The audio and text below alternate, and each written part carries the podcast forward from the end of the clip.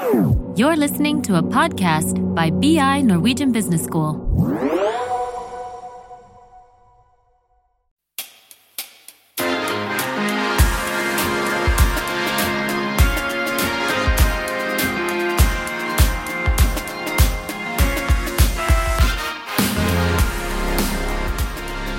Fotballspillere i Eliteserien må levere på ekstremt høyt nivå over tid.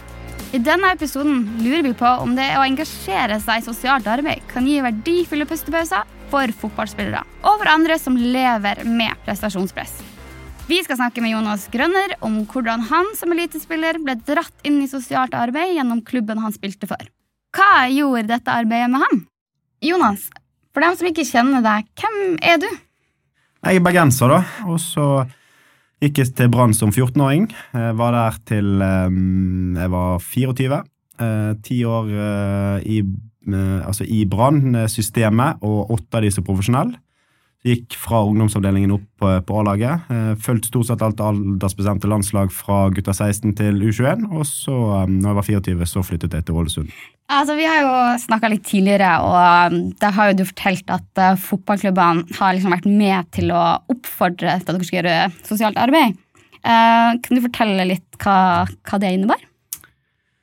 Ja, Det er veldig sånn um, veldig forskjellig og veldig sånn personbestemt hvem som er i de forskjellige rollene i en fotballklubb til enhver tid. Og jeg har vært innom veldig mye forskjellig der. Um, og der er det alt fra det er alt fra du skal ut og promotere brannbrød i en Rema 1000, til du skal besøke barneklinikken uh, og og barn som ikke har det så bra. Eh, skoler, MOT. Mange kjenner til MOT og deres arbeid. Det er veldig mange norske, norske, klubber som samarbeider med MOT, så jeg har vært på en del sånn MOT-arrangementer. Eh, og så, eh, ja Det er sånn, ofte veldig sånn kommersielt eh, bakteppe, og så er det veldig mange fine muligheter også inni dette med sosialt arbeid. Ja, Vi skal gå litt mer i dybden på, på det du forteller her, men først skal vi snakke med Ann Marie eh, Lilleløkken som er doktorgradskandidat på BI. Du har over lengre tid intervjua fotballspillere for å se hvordan deres identitet har utvikla seg over tid, spesielt etter at de har blitt dratt inn i sosialt arbeid. Hvorfor er du interessert i å forske på dette? Ja, det er jo et uh, godt spørsmål. Um, men hovedsakelig så var det jo dette her med som vi kaller prososial motivasjon. Og det er et ønske om å, å, bidra til, eller hjelpe noen andre i, i konteksten av jobb, da. Eh, og hvordan på en måte man utvikler det ønsket eller den viljen over, over tid.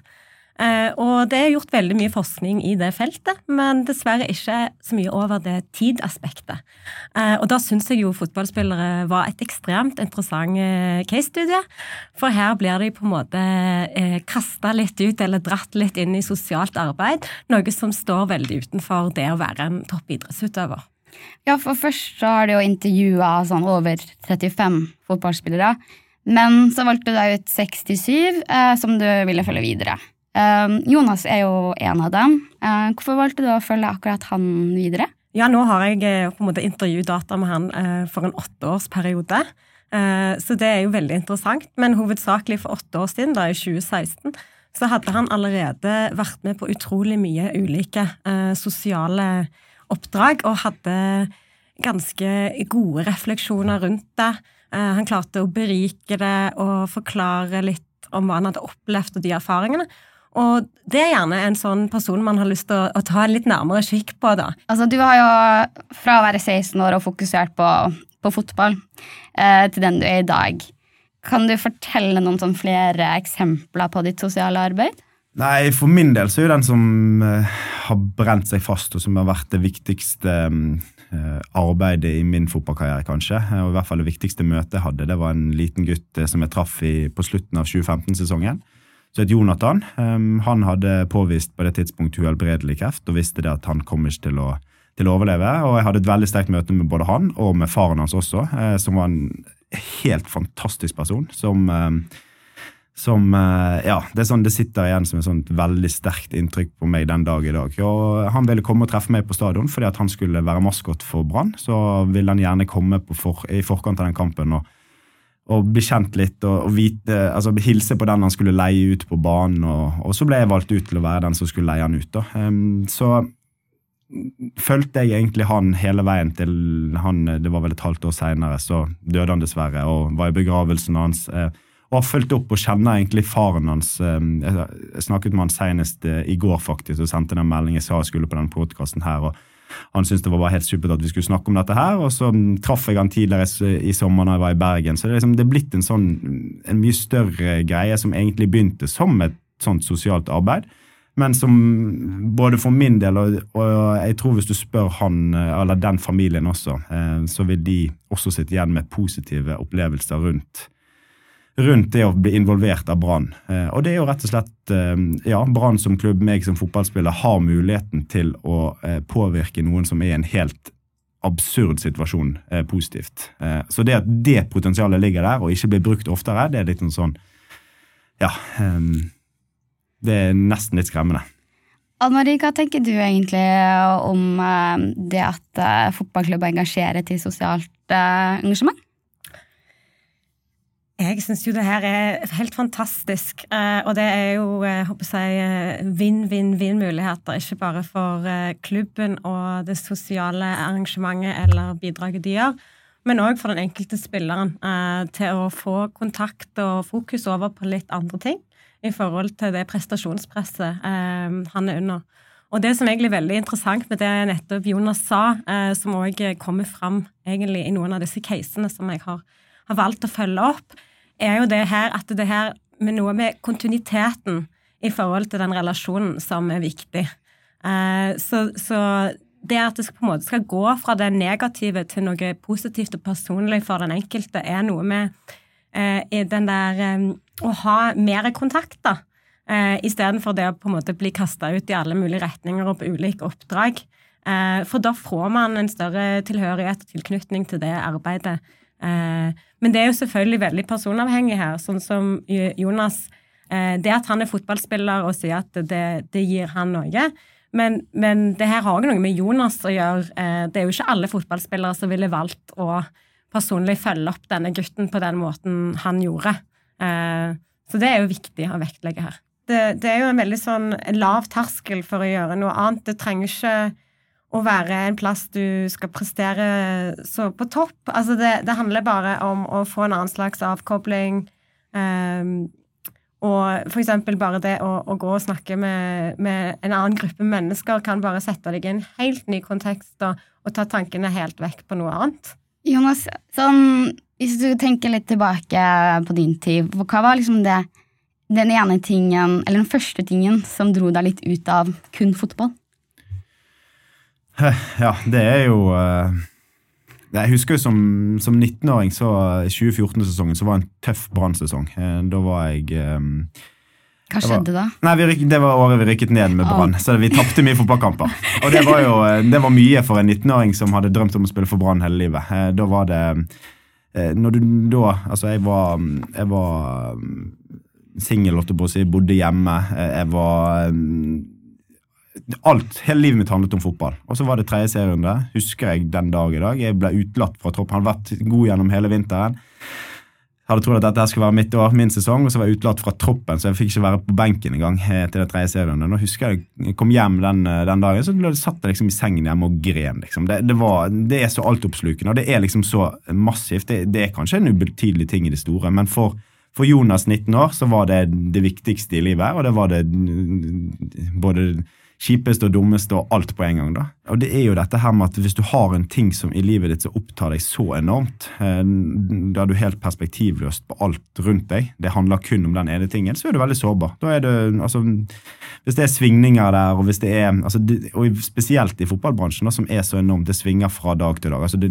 det var på det nivået at hvis du taper på trening eh, som vinnermenneske og vinnerskalle, så er det liksom sånn, du går du hjem, og så er resten av dagen ødelagt. Da, da smiler ikke du, ler du ikke resten av dagen. Du er liksom sånn periodedepressiv hvis du har en dårlig uke eller er i dårlig form. eller hva det måtte være. Så det blir sånn, sånn, Hele følelsesregisteret er basert på hvordan det går på fotballbanen. Og det å ikke ha perspektiv på ting eller ting å koble av med, det er liksom sånn Det blir veldig sånn utmattende og, og altoppslukende det er litt viktig at man ikke har de tingene i livet som er så altoppslukende, som påvirker deg i den grad at, um, at du, altså, ja, du, blir helt utmattet av det. Og det kan også være sånn sosialt arbeid. Altså, det setter jo ting i perspektiv. Jeg kan se for meg at media er ganske på dere. Alt eh, som fotballspiller og kompiser. Alt liksom handler om fotball. Og så kanskje drar du på sykehuset og besøker noen som har sitt liv på et sykehus, og da blir det liksom ok fotball er ikke alt. Eh, det er faktisk, faktisk folk der ute som får skikkelig glede av å, å møte meg, selv om jeg gjorde, gjorde en dårlig kamp. liksom. Jeg husker faktisk, eh, sånn konkret, og så husker jeg Jonathan da den dagen, fredagen, det var en fredag, vi skulle spille kamp søndag, da skulle han være maskot. Fredagen var han og besøkte oss, og så hadde han vært på sykehuset den dagen og fått noen dårlige nyheter. Og Så fortalte faren meg eh, Han var tre år, en reflektert gutt, han var tre år gammel, og så sa faren det at han hadde fått dårlige nyheter på sykehuset, og så hadde han sagt til faren sin eh, når de la seg på kvelden, at eh, ja, ja, pappa, det ble i hvert fall en god dag. Og det var fordi at han hadde vært og besøkt altså han hadde hatt hele opp... Jeg blir jo nesten emosjonell av å snakke om dette, men han hadde, da hadde han vært og besøkt og hatt en fantastisk dag på stadion etterpå. da, Og så når han legger seg på kvelden, så har han sagt ja, det ble en god dag. Og så blir det liksom en sånn der eh, Det har liksom brent seg litt fast, da. At du har um, Ja, snakker om perspektiv, så får ikke du et sterkere perspektiv enn akkurat det der. da. Eh, når vi ser på media, så er det jo enkelthendelser. og sånt, det, det er himmelen eller helvete. og det er jo litt litt sånn som Jonas egentlig forklarer livet som en fotballspiller òg, i forhold til å være i denne bobla, eh, hvor det er neste kamp, neste mål, det å eh, Og det, det, er liksom opp og ned, og det er liksom ekstreme ender. Eh, men det er på en måte å sette seg inn i en helt annen kontekst, da. Eh, det å gå ut av en fotballstadion og så sitte eh, eh, Jeg vet ikke hvor mange publikum som egentlig har sittet sittet på en kreftavdeling med kreftsyke barn, men det er, det er ganske eh, ekstrem forandring eh, som på en måte tar det helt ut av på en måte den realiteten du lever i til vanlig. da. Eh, så en ting er det perspektivet han sier i forhold til eh, eh, opplevelsen, men, men, så er det jo òg den sammenligningen at denne gutten skal jo faktisk dø.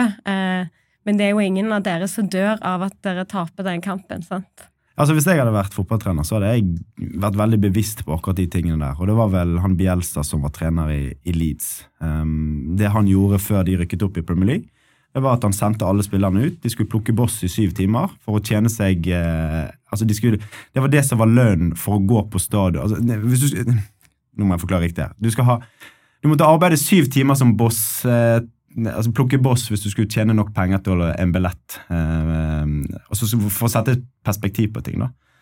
Så akkurat det der med at eh, man må innse at ting er ikke så farlig, at um, Man har flere altså, bein å stå på. Rett og slett. Altså, Jeg ville gå tilbake til Jeg var hovedsakelig interessert i hvordan prososial motivasjon utvikler seg over tid. Og for å kunne på en måte studere det fenomenet, så ville jeg gå til en, en kontekst en plass hvor, hvor, noen ble tvunget eller rett og slett på en måte dratt ut i Norge. Et arbeid, sosialt arbeid som de egentlig på en måte ikke hadde en interesse eller lyst til å gjøre. Eh, og hvordan er det man på en måte tilnærmer seg disse erfaringene over tid, og hvordan er det man gjør de til sine egne, da? Og eventuelt utvikle mer prososial engasjement eh, gjennom på en måte det å være tvunget ut i sånne type oppdrag. Um, er det noe liksom klubbene kan gjort, eller fotballspillere eh, kan gjøre for at det liksom ikke skal føles som påtvunget? Ja, jeg, jeg, tenker Det der er veldig viktig, det du sier der. for det Opplevelsen min etter å ha sittet i, i, veldig mange miljøer eh, og klubber, og det har vært mange personer inn og ut, så er det gjengående at det er liksom litt negativt ladet, dette. Um, det i Brann var det sånn du ble hengt opp en lapp i garderoben to, som måtte henge der to uker før du skulle på et oppdrag. Det skulle være liksom sånn regler på ting, istedenfor bare eh, Ok, Vi fikk en forespørsmål for en halvtime siden. Det er noen som skal ha et bursdagsselskap, eller det er en klasse som skal ha en avslutning. Alt, alt sånn, altså bare Hiv oss ut i det. da. Her var det liksom sånn, Det måtte være sånn strenge krav til hva som, hva som skulle til for å få godkjent et oppdrag. da.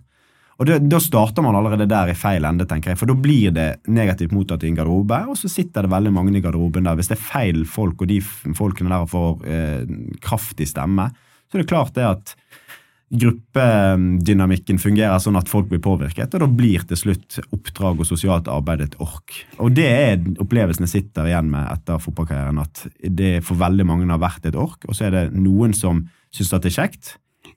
Marie, du sier jo også litt det med på en måte tidsperspektivet. Uh, hvis liksom en fotballspiller eller en person liksom hadde én sak de jobba med over tid, eh, tror du det kunne på en måte hindre at folk hadde følt det som påtvunget? Ja, jeg tror det, det er viktig. Uh, altså, jeg vil gå tilbake til dette med på en måte identiteten til Jonas som fotballspiller og identiteten til, til Jonas som enkeltperson.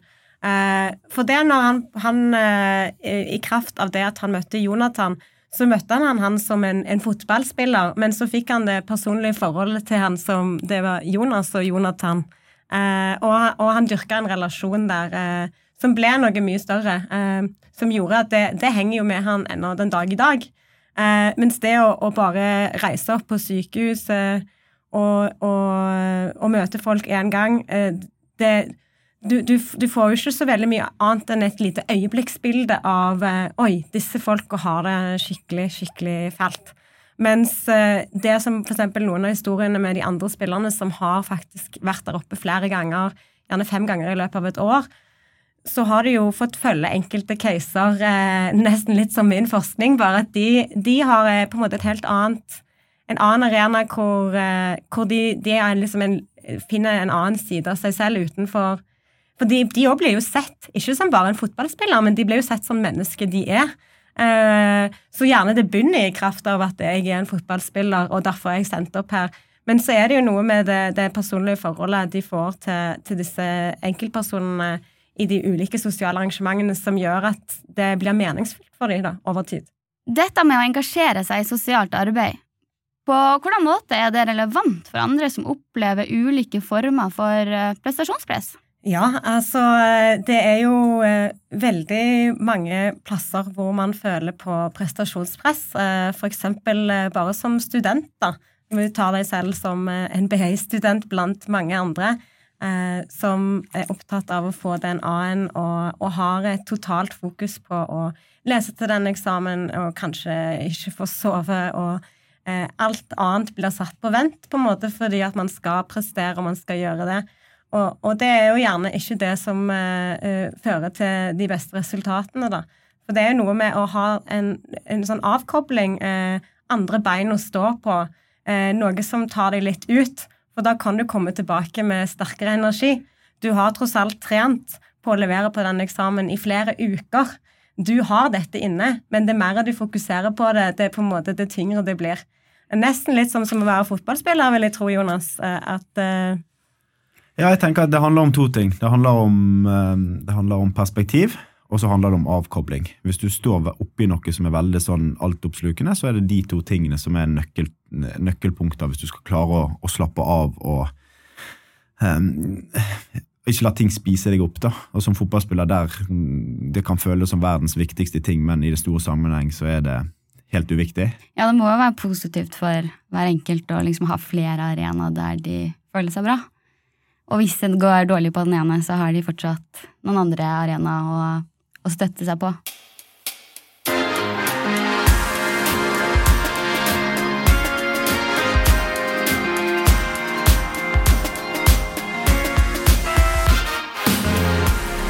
I denne episoden har vi snakka om hvordan det å bli dratt inn i sosialt arbeid påvirker deg.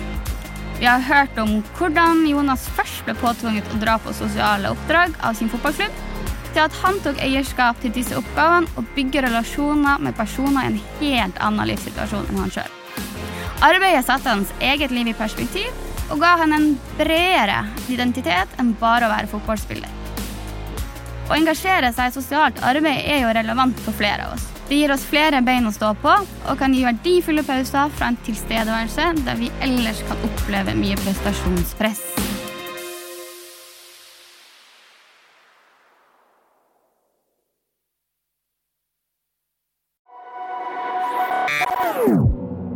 Is a BI production. Listen to more podcasts. Go to bi.no slash podcasts.